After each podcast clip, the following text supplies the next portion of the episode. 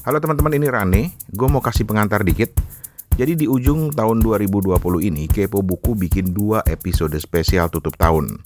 Yang pertama di episode kali ini, yang lagi lo dengerin ini, kita khusus membuat semacam kilas balik hal-hal yang paling berkesan dari para host Kepo Buku, Steven, gua, dan Toto, yang terkait pengalaman kita masing-masing dengan buku.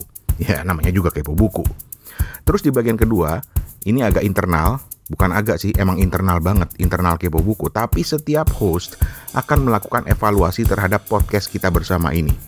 Ini sebenarnya sekali lagi internal, tapi bodo amat lah. Sekalian aja kita share dengan teman-teman baik Kepo Buku, siapa tahu nanti ada saran-saran lainnya. Tapi oke lah, kita mulai dulu dengan bagian pertama.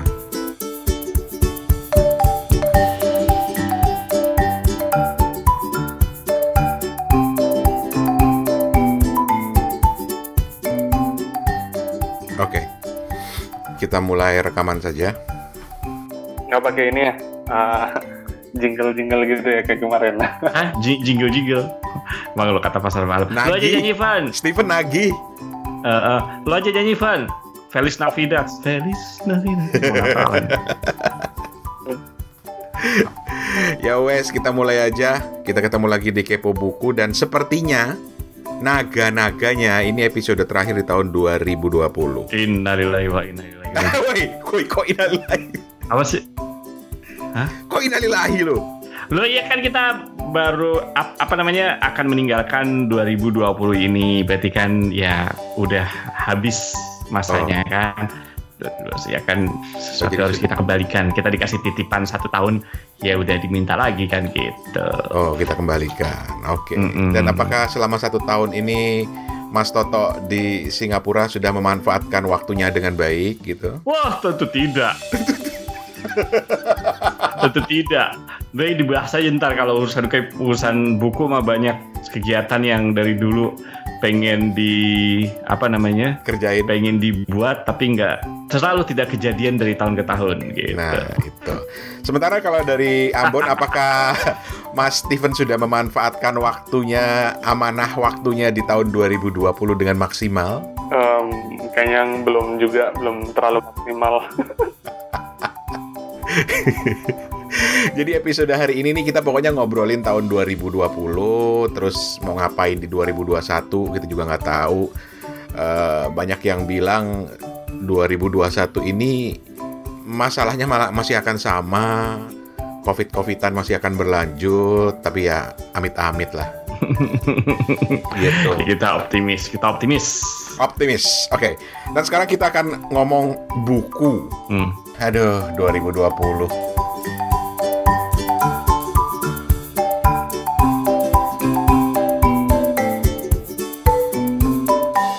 Kalau harus melihat ke belakang eh, dari segi kebiasaan lo membaca, tadi kan lo cerita tok banyak yang belum kesampaian. jujur, woi, jujur. Iya, iya jujur, jujur, jujur. Ya apa terusin dong lu? Ya itu makanya gue nanya. Host kok di pertanyaan digantung. kan biar dramatis gitu loh dikasih pause sedikit biar dramatis gitu terus habis itu Toto nyambung dengan dengan suara yang sedih gitu ya gimana ya gua merasa Orang tuh kalau sebagai moderator tuh pertanyaan jelas jangan digantung kayak biji aja digantung. Biji mete tuh kan digantung tuh jambu. Bijinya di luar. Oh, oh, lu mikir yang enggak enggak aja sih apa ya? Ngajar abis itu lah. kira-kira apa nih yang belum belum tersampaikan nih Tok Iya 2020 yang belum kesampaian berhubungan dengan buku banyak mas, banyak Hmm. banyak. mi- misal misal misal misal Bikin toko buku belum, hmm, bikin penerbitan belum, hmm, ngarang buku juga belum. hmm. Apa lo? Ayo, masuk TV, masuk TV juga belum. ya wajar nggak kesampaian Tok ketinggian lu rencananya Gila kan dulu nanya belum kesampaian gitu ya. Oke, yang realistis yang realistis ya real, realistis. Bikin toko buku realistis itu. Steven aja bisa, masa kita nggak bisa sih? Iya sih, Masa iya gue nggak sih. bisa? benar benar benar benar Bener nggak, Van? Hmm, Steven kesampaian bikin toko buku tuh. Ya nggak, Van? Ngajak berantem ya kita ya di sini ya.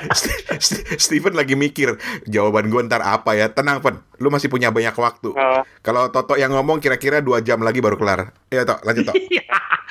Oke, kalau ngomong yang biasa bi- bukan biasa-biasa aja, tapi ini eh, syukur loh, syukur loh. Makanya Lanjut. makanya kalau lagi rekaman tuh jangan sampai gigit-gigit kunci Inggris. Lanjut. Tapi ada beberapa yang misalnya eh, di tahun 2020 ini yang di awal ingat gak gue awal-awal mungkin akhir-akhir 2019 kali yang gue bilang gue pengen baca satu topik yang deep banget kemudian gue bikin cross reference gitu kan ya Hmm. itu belum kesampaian. Con- contohnya dong, contohnya. Contohnya misalnya topik yang eh, apa ya menarik buat gue misalnya eh, awal tahun 2019 tuh gue topik mental health gitu kan ya. Lalu gue pengen baca Hmm, tuh. Nah, itu udah kelihatan. Ya kelihatan kan gue kan ngeliat lu sebagai calon gitu ya. Eh, Gak tau serius, udah kelihatan dari awal tahun lu emang minat sama topik mental health. Oh gitu. Iya, gue calon. Misalnya gue calon buat kita, lu calon buat gue ajak diskusi maksud gue gitu. Oh boleh boleh, alhamdulillah. Terus terus terus. Itu sih paling gitu. Apakah 2020 pada akhirnya lu berhasil mencintai atau lebih mencintai buku-buku fiksi? Tidak, tidak. Lu kok kayaknya bangga banget jawabnya? Ya bangga tuh. This this is what I am. Oke, iyain aja deh. Terus terus terus terus terus. Gue terus. Bangga lah. me- memang itu adanya. Gue tidak lebih mencintai buku. Artinya gini loh. Artinya gini loh. Kalau gue kalau gue lebih jujur secara statistik gitu ya, secara angka, ya gue memang lebih banyak baca non fiksi gitu daripada fiksi. Bukan berarti gue benci fiksi, tidak. Jadi itu ya yang belum kesampaian lah. Teman-teman, Toto ini eh, adalah salah satu dari tiga host kepo buku yang punya hobi aneh. Hobi, Apa tuh? hobinya belajar. Kagak hobi gue nggak belajar. Hobi, eh, orang tuh hobi tuh sesuatu yang entertaining gitu loh. Hobi belajar pantes aja bini lu bilang ini kenapa sih laki gua hobinya belajar? tadi gue ini kan lagi musim ujian, jadi gue lagi baru aja nyelesain ujian. Tadi gue ujian kalkulus 3 Aduh pusing juga ya, tapi menyenangkan. Oh, to, to, lu tuh lu tuh suka nyari gara-gara ya. Ya Allah. Lu nggak bosen tok belajar tok? Justru gue menemukan ketidakbosanan ketika gue belajar gitu. Oh gitu. Oke, itu Toto. Kita akan gali lebih dalam lagi dengan ke- ke- kelakuan dan kebiasaan anehnya. Ada-ada. Sekarang kita ke, ke Ambon, Mbak. em, gue kenapa mau manggil lu Mbon? Karena gue punya teman namanya Ambon. Gue mau manggil dia Mbon. Jadi gimana Mbon? Astaga, maaf maaf. rasis lo, rasis lo. Rasis. Eh, tapi tapi tapi ini eh, side track aja gitu ya. Dulu Hah? zaman gue kecil kayaknya manggil orang dengan sebutan itu kayak kayak aja sekarang aja Oke orang oke sensitif aja kali. manggil dengan sebutan ra suku, agama. Eh, eh koek dulu gitu kan. Gue kan Jawa koek. Apa ya gue bilang kayak gitu. Terus biasa aja gitu. Eh Bengkok. udah lanjut. Udah udah jangan diterusin. jangan diterusin. Steven, Hmm, yep. kalau harus melihat 2020 apa yang belum kesampaian, Ven? Iya. Dari segi buku ya, ya ini kepo buku, jadi kita ngomongin soal buku. Jangan jodoh lah Oh, kita iya. udah tahu lah ya. Eh Iya, enggak, iya. khusus Steven jodoh boleh, tapi terserah Steven mau. Hmm, betul betul betul. ya, ya, ya, ya, ya. Em, di 2020 nih yang belum kesampaian tuh ada sebuah proyek mini gitu ya, Bang Rane, Mas Toto, di mana aku eh, kebalikan dari Mas Toto, aku pengen membaca kumpulan cerpen dari berbagai daerah. Wow, Maksudnya itu dari misalnya ada yang penulis dari Kalimantan, Mm-mm. penulis dari Sumatera, di- dari Riau, atau penulis dari NTT, ataupun penulis yang uh, mengangkat tema-tema Sulawesi Selatan, Mm-mm. uh, budaya Bugis, ataupun cerita-cerita dari uh, Papua, yang Hmm. mana juga mungkin ke- kebanyakan kita belum tahu ya uh, keadaan masyarakat-masyarakatnya di sana. Jadi kenapa aku pengen membaca dari berbagai daerah ini? Salah satunya mungkin uh, untuk variasi tema apakah yang akan mereka angkat itu kan menjadi sebuah tantangan juga kan untuk mengangkat apa yang menjadi keresahan mereka gitu. Mungkin Hmm. di satu daerah tuh di daerah Jawa mungkin kebanyakan mereka bisa bercerita tentang urban, Hmm. kehidupan perkotaan, Mm-mm. kehidupan kantor gitu kan. Apalagi kalau penulisnya anak-anak muda, tapi ketika di daerah, apakah eh, di beragam tempat di Indonesia misalnya mungkin Mm. yang diketengahkan tuh adalah budaya, yang diketengahkan tuh adalah hal-hal yang berkaitan dengan lingkungan, ada tambang, ada ketidakadilan masyarakat yang dirasakan gitu. Hmm, Itu sih yang si mungkin akan dilanjutkan di 2021. Lo emang di 2020 udah udah sampai mana lo? Udah baca cerpen dari mana aja? Di 2020 ini eh, adalah tahap ini ya, eh, mengumpulkan bahan-bahan. Jadi terima kasih untuk toko buku H. Kalau misalnya Mas Toto, Bang Rani inget yang pernah ngiklan di Kepo Buku, Iya. toko buku yang menjual buku khas Kalimantan kan. Nah itu aku Oh iya iya gue ingat gue ingat. Mm-mm. eh, aku aku pesan. Jadi ada juga dari Riau gitu kan. Hmm. Nah itu sebenarnya gue mau tanya ke Steven tadi, Van, gue rasa bagus banget tuh ya yang nyumpulin eh, cerita pendek atau apa pun itu gitu dari berbagai daerah gitu ya, maksudnya pengarang lokal, terus mengangkat tema daerah. Tapi gue tadi gue mau tanya sebenarnya, avenue-nya apa ya? Maksudnya caranya gimana ya? Kalau misalnya gue pengen tahu pengarang dari misalnya eh, daerah Kalimantan gitu, apa pun itulah. Anggaplah kita, anggaplah mungkin kalau terlalu kecil susah gitu kayak misalnya anggap Kalimantan sendiri, Jawa Tengah, Jawa Timur, Jawa Barat. Eh, gimana cara lo nyari eh, bisa dapat kayak gitu? Jadi yang pertama aku akan cari itu Hmm. eh, penerbitnya, penerbit. Penerbit Hmm. Itu kan mungkin bisa berbasis di Yogyakarta, ada yang Hmm. berbasis di eh, Madura, ada yang berbasis di Oh, oke. uh, Magelang, ada berbasis di uh, kota-kota yang mungkin bukan berasal dari kantong-kantong perbukuan ya, Mas Toto. Jadi itu Hmm, hmm, hmm, yang yang bisa menjadi selektif pertama yang bisa aku hmm, raih gitu. hmm, hmm, hmm. Gila ya. Keren banget niat lu. Dan yang sekarang lagi lu incer tuh eh, novel-novel dari daerah mana? Mungkin nih kali-kali ada teman-teman yang lagi dengerin dan langsung bilang, "Oh iya, di daerah gue ada tuh novel atau ce- kumcer. Nih ntar gue kirimin Ven." gitu Ah, kan. iya iya. Yang Sama fotonya sekalian ya, Mas, gitu kan. Iya. em, yang mungkin masih kurang tuh di di Sumatera sama Kalimantan. Sumatera Hmm, sama oke. Kalimantan. Oke. Iya. Oke, kalau dari Ambon sendiri ada nggak? Kalau dari Ambon belum juga. Oh, belum ada ya? Cerpen-cerpen dari Ambon gitu masa nggak ada sih? Eh, setahu aku masih belum belum belum ada. Hmm. Oke, jadi itu yang itu yang belum kesampaian ya. Jadi sekarang lu dalam tahap ngumpulin dan nanti di 2021 Mm-mm. lu akan mulai melakukan itu ya. Mulai me- membaca atau masih terus mencarinya gitu ya. Iya iya iya. Jadi beberapa yang mungkin udah aku kumpulin ya aku bisa eh, share di sini. Ini Hmm, ada Hmm. kumpulan cerpen Tambang Nanah Hari B Koriun dari dari dari dari Palagan Pustaka. Palagan Pustaka ini berasal dari dari mana ya? Dari Dia nggak ini ya. Kalau Steven nggak hafal itu keren gitu, eh, karena saking banyaknya kan. Hmm. Kalau urusan buku tuh. Terus ada Nurila Ahmad, Cara Bodoh, Menertawakan Tuhan, dan cerita lainnya. Ada Agus Sakai, Pendar Ungu, dan Merah Latu. Ada Dorothea Rosa, Herliana, Herliani, Perempuan yang Menunggu.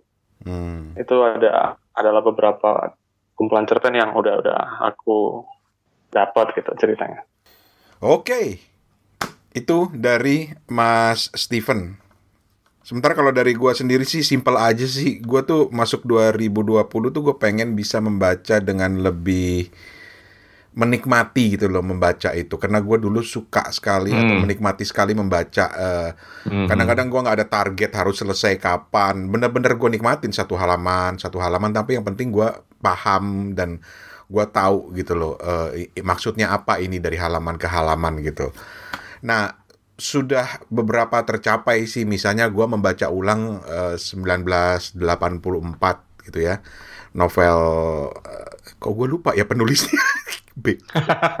Orwell. Orwell. George Orwell 1984 nya George Orwell itu kan gue pernah baca tapi kemudian gue baca lagi dan kali ini gue bacanya dengan gue target satu hari itu eh, eh, berapa halaman berapa halaman berapa halaman dan berhasil gitu loh. jadi itu tantangan-tantangan seperti itu dan bener-bener gue nikmati karena gue bisa membaca, memahami setiap halaman, setiap halaman. Tapi ya baru sampai di situ. Yang lain gue belum. Yang lain tuh lebih kepada gue baca sampai selesai gitu loh. Bener-bener hmm. uh, untuk menyelesaikan membaca aja, bukan karena untuk menikmatinya. Jadi ya sederhana aja sih gue di 2020 eh 2021 gue pengen melanjutkan kebiasaan membaca buku-buku yang yang lebih lebih fokus, yang benar-benar gue nikmatin membacanya sedikit demi sedikit, dicemil dikit demi dikit, tapi paham gitu loh. Emang selama ini lo baca buku nggak pernah menikmati? Bukan, bukan, bu, aduh gimana ya ngomongnya ya? Ntar gue salah lagi kalau gue ngomong bahwa gue nggak menikmati buku. Menikmati, tapi gue itu termasuk orang yang kalau membaca itu sampai ke paragraf-paragrafnya itu gue harus ngerti gitu loh. Ada ada nyangkut di satu paragraf yang gue nggak nangkep maknanya atau apa itu nggak puas. Hmm. Jadi gue membiarkan diri gue itu membaca itu benar-benar sampai sampai dalam banget hmm. sampai kalau perlu gue ulang-ulang setiap halamannya gitu seperti yang gue lakukan saat gue membaca 1984-nya Orwell hmm. itu benar-benar gue target dalam satu hari ini sekian halaman sekian halaman jadi benar-benar hmm. gue menemukan banyak hal baru dibandingkan pengalaman gue yang pertama kali membaca 1984 gitu. Nah, gue pengen tuh, itu yang gue maksud dengan menikmati membaca. Kalau membaca yang lain ya gue membaca, gue menikmati, gue paham ceritanya segala macam, tapi tidak seintens dengan cara membaca gue yang benar-benar sedikit demi sedikit dicemil, sedikit demi sedikit dicemil, dicemil, dicemil gitu.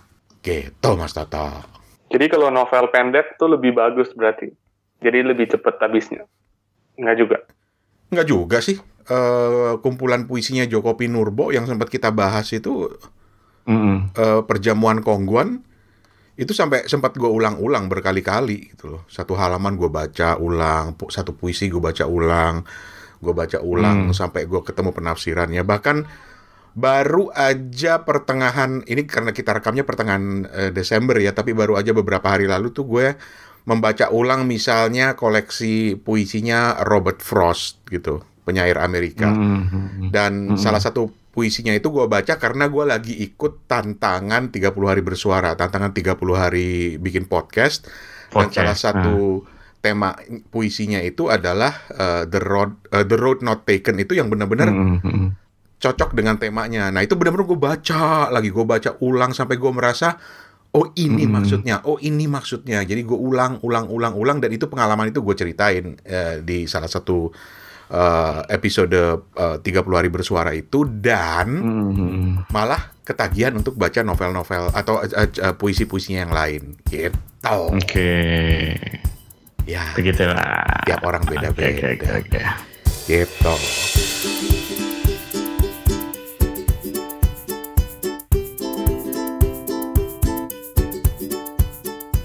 Oke, okay, pertanyaan berikutnya yang gua gua juga pengen tahu dari teman-teman kepo buku yang lain itu adalah di 2020 pengalaman membaca buku apa yang menurut lo paling meninggalkan kesan atau atau paling ya ya paling paling berkesan lah?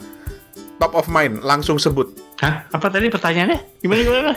Buku, buku yang paling berkesan. paling berkesan buat lo di 2020 langsung sebut. Nggak ada hmm. Nggak ada gue. Gue kalau lu suruh buku satu buku di 2020 apa ada ya? Mikir berarti kan gue nggak ada gitu aja. Simple. Berarti nggak ada yang meninggalkan kesan buku-buku itu.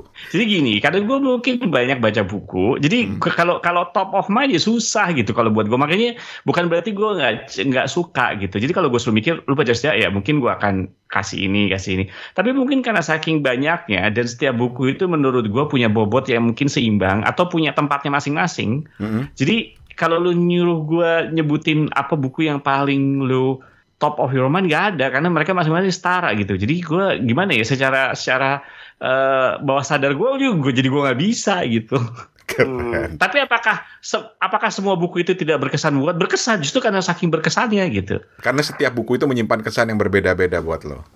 Iya gitu. Ya Misalnya ya ketemu cewek banyak gitu ya, uh, cakep semua gitu. Uh. Terus semua berkesan gitu. Lu ketika mana Ran, coba pilih salah satu. Lu mungkin akan mana nih? Satu ini kakak bisa nih yang ini gitu kalau gua gitu.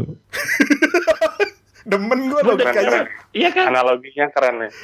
Ih. Jadi ketika satu buku itu selesai, terus gue baca buku yang lain, bukunya juga berkesan gitu. Dan itu semua jadi memori kan saat tahun satu tahun ini. Jadi kalau gue suruh pilih ya gue akan bengong yang mana ya gitu. Ya udah, gua pertanyaan gue balik deh logikanya. Sebut satu, Sebut satu apa? sebut satu buku dan kesan apa yang lu dapat. Bukan berkesan ya, salah satu buku itu dan kemudian kesan yang lu dapat. Sano. Hmm. Saudara-saudara, Toto tampak terdiam sejenak. Otaknya sedang bekerja menggali memorinya yang sudah mulai uzur. Kita maklumkan saja. bukan bukan gue lagi mikir gitu ya kalau kalau gue ketika ketika gue sebut satu buku nanti eh Ini buku nanti tau nggak usah nyebut cewek. Maksud gue gini, Kita kalau gue sebut satu buku Uh-uh. bukan untuk bermaksud menganggap ini lebih baik, tapi pengalaman membaca yang lu dapat, lu bisa nggak sebut salah satu buku dan pengalaman membaca yang lu dapat? Oke, mungkin contoh aja, contoh ya, contoh. Ah, karena lu tadi udah sebut, ini contoh ya. Jadi eh, gue sebut, kenapa gue sebut? Karena lu tahu sendiri gue nggak suka fiksi. Jadi gue sebut ini contoh bukan karena pengalaman membacanya memang memang menjadi lebih eh, daripada buku yang lain gitu ya. Eh, tapi mungkin mungkin gue lihat dari contoh sebagai gue orang yang tidak eh, atau masih sulit menikmati fiksi uh, buku yang di tahun 2020 ini yang gue baca salah satu fiksi yang gue baca adalah ya Andrea Hirata gitu. Guru Aini tadi. guru Aini gitu. Uh, kenapa? Kesan gue adalah ternyata untuk untuk menjadi sebuah um, karya yang sifatnya mungkin uh, literatur gitu ya atau sastra gitu ya. Hmm. ternyata tidak perlu harus uh, berbahasa yang sulit, tidak perlu uh, apa namanya satu kata tuh yang waktu itu uh, yang kita selalu bi- bilang tuh kayaknya itu kata yang nah, kata itu berkesan buat gue itu pun gue lupa sekarang. Uh, apa tuh? Ayo yang dulu duluan ingat. Eka Kurniawan. Ayo yang dulu Eka duluan ingat. Kurniawan apa sih? Yang kayak Surrealis. Surrealis. surrealis kayak gitu bahwa bahwa menjadi bahwa karya literatur yang punya pesan yang meninggalkan eh, kesan gitu ya meninggalkan kesan ada pesan yang tersi, ter- tersirat gitu menjadi orang berpikir antara eh, tentang lingkungannya tidak perlu menggunakan bahasa yang sulit-sulit tidak perlu eh, bisa juga humoris gitu kan bisa juga eh, yang santai tapi tetap ada tetap ada apa namanya kesan gitu, tetap ada pesan gitu. Nggak harus yang sulit-sulit gitu menurut gua. Nah itu aja sih. Kalau, tapi sekali lagi ya, disclaimer sekali lagi ya, dia bukan bukan berarti top of mind gua. Gua memilih itu sebagai contoh sekali lagi. Gue cuma bilang sebagai contoh. Kenapa gue pilih dia sebagai contoh? Kenapa nggak buku lain? Karena gua termasuk orang yang masih sulit menikmati fiksi, makanya gua gua ambil contoh fiksi lah gitu. Jadi lu berusaha untuk bersikap adil kayaknya nih. Gue gak bersikap adil, jujur aja Dibahas, gitu. Gue gak bersikap, gue gak berusaha bersikap adil. Gue orangnya apa adanya. Asik. Gue gak suka nggak suka pencitraan. Gue orangnya apa adanya. Tapi gue bingung gitu. pencitraan. Oke, Ya kan gitu. lanjut. Steven, lo nggak bisa lolos, Wan. Lo juga pertanyaannya sama. Oke, Buku yang meninggalkan meninggalkan kesan buat lo di 2020. oke, oke. Jawabannya kayak Toto, awas lo. Ya memang ada benarnya juga sih, cuma ya udah aku dua lah. Tuh kan, tuh kan, gue gue gue gue sebenarnya nggak mau mempengaruhi, tapi gue tebak kalau Steven karena dia nggak bisa milih, dia justru kasih bakalan lebih dari satu. Masih mending lu kasih dua. Gue sebagai gue sebagai moderator merasa gagal. Gue episode terakhir 2020 ini. Gue gue pikir malah Steven tadi mau kasih lima karena sulit memilih. Tuh. Ivan, Ivan, Ivan. Oh, ayo Van, apa Iya. Van? Minimal dua lah, minimal ya oke. 36. Oh, dua. Hmm? Ah, yang pertama tuh ini aku akan kasih tahu novel Pangeran dari Timur. Oke. Ditulis berdua Iksaka Banu sama Kurnia Effendi.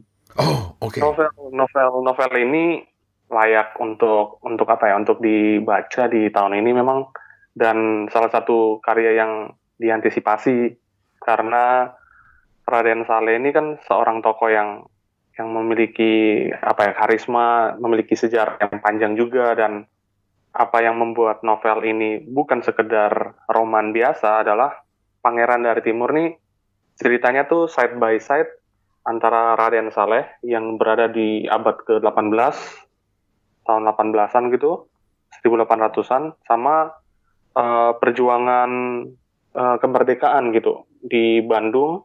Ini lokasinya di Bandung 1924 gitu jadi uh, roman yang dibuat oleh Kurnia Effendi juga nggak kalah nggak kalah asiknya ya dengan hmm. cerita ceritanya si Raden Saleh gitu. Itu yang okay. pertama. Hmm. Novel ini diterbitkan nama Bentang dan apa ya? Dan salah satu roman yang yang epik dan menarik untuk untuk diikutin lah. Yang kedua tuh ini ada kumpulan esai sejarah, tapi bukan semacam esai-esai yang uh, biasa gitu ya. Ini adalah esai dari Ong Hok Ham dari Tempo gitu. Mm, dari mm. 76 sampai 2002 nih refleksi seorang sejarawan atas berbagai persoalan yang dihadapi Indonesia. Okay. Jadi kenapa ini mm. merupakan bacaan yang cukup wah gitu ya untuk di 2020 nih. Jadi melihat esai-esai singkat, esai-esai yang yang apa ya, yang nggak terlalu panjang gitu ya, karena entah bisa diedit kali ya. Hmm. Tapi hmm. meskipun singkat tapi ini uh, betul-betul tajam gitu uh, isai-isainya. Bukan sekedar kayak uh, isai yang singgah sebentar tapi memiliki informasi yang cukup cukup mendalam dan ditulis dengan enak gitu. Salah satu contohnya mungkin aku akan kasih tentang monopoli. Kita tahu monopoli itu biasanya lebih bersinonim sama VOC kan. Hmm.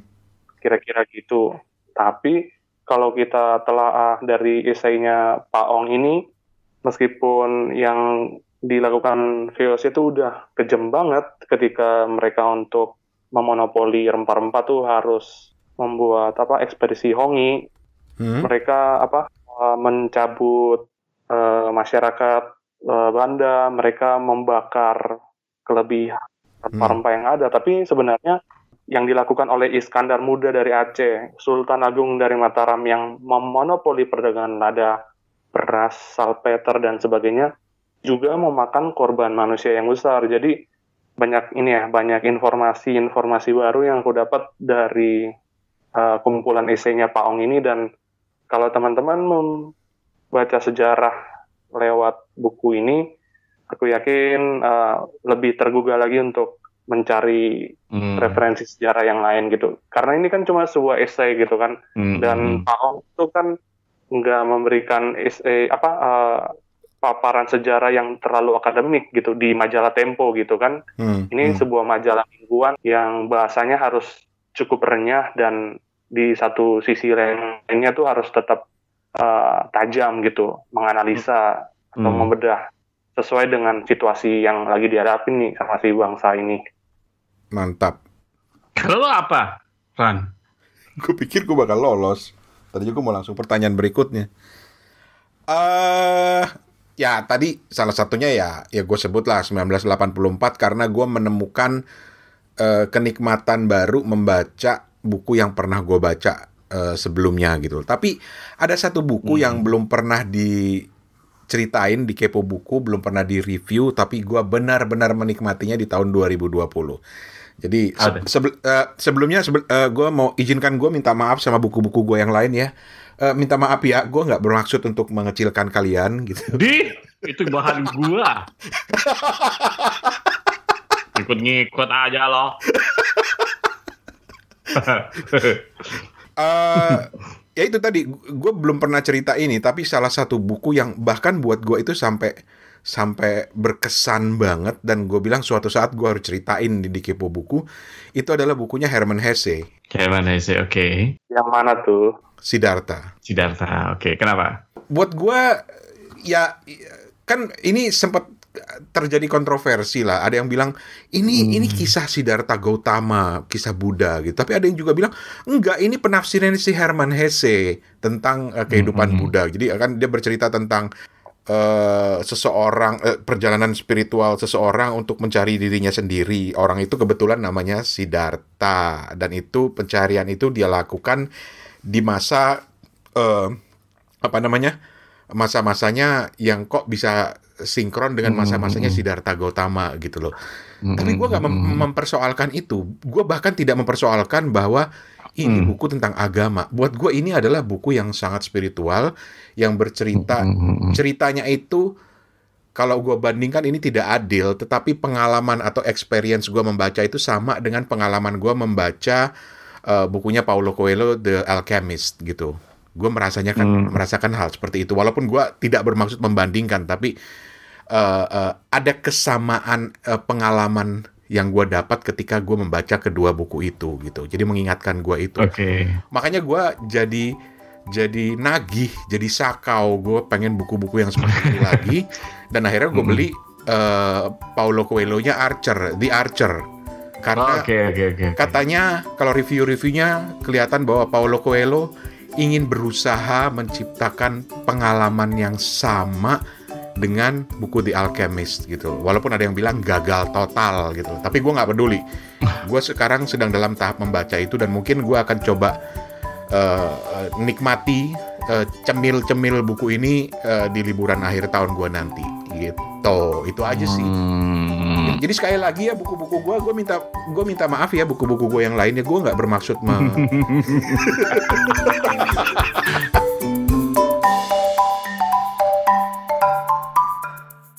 Teman-teman Kepo Buku itu bagian pertama dari episode khusus tutup tahun. Dan besok tepatnya di episode setelah ini ada satu obrolan panjang yang kami lebih fokuskan ke Kepo Buku sebagai sebuah podcast dan bagaimana kita bisa lebih memperbaiki lagi podcast kita di tahun 2021. Ini asli kami rekam spontan jadi sampai perdebatan-perdebatan antar kami pun terekam di sini.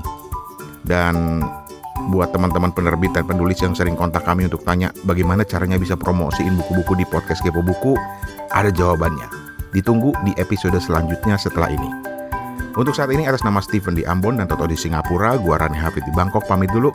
Ketemu lagi di episode kedua khusus spesial tutup tahun 2020.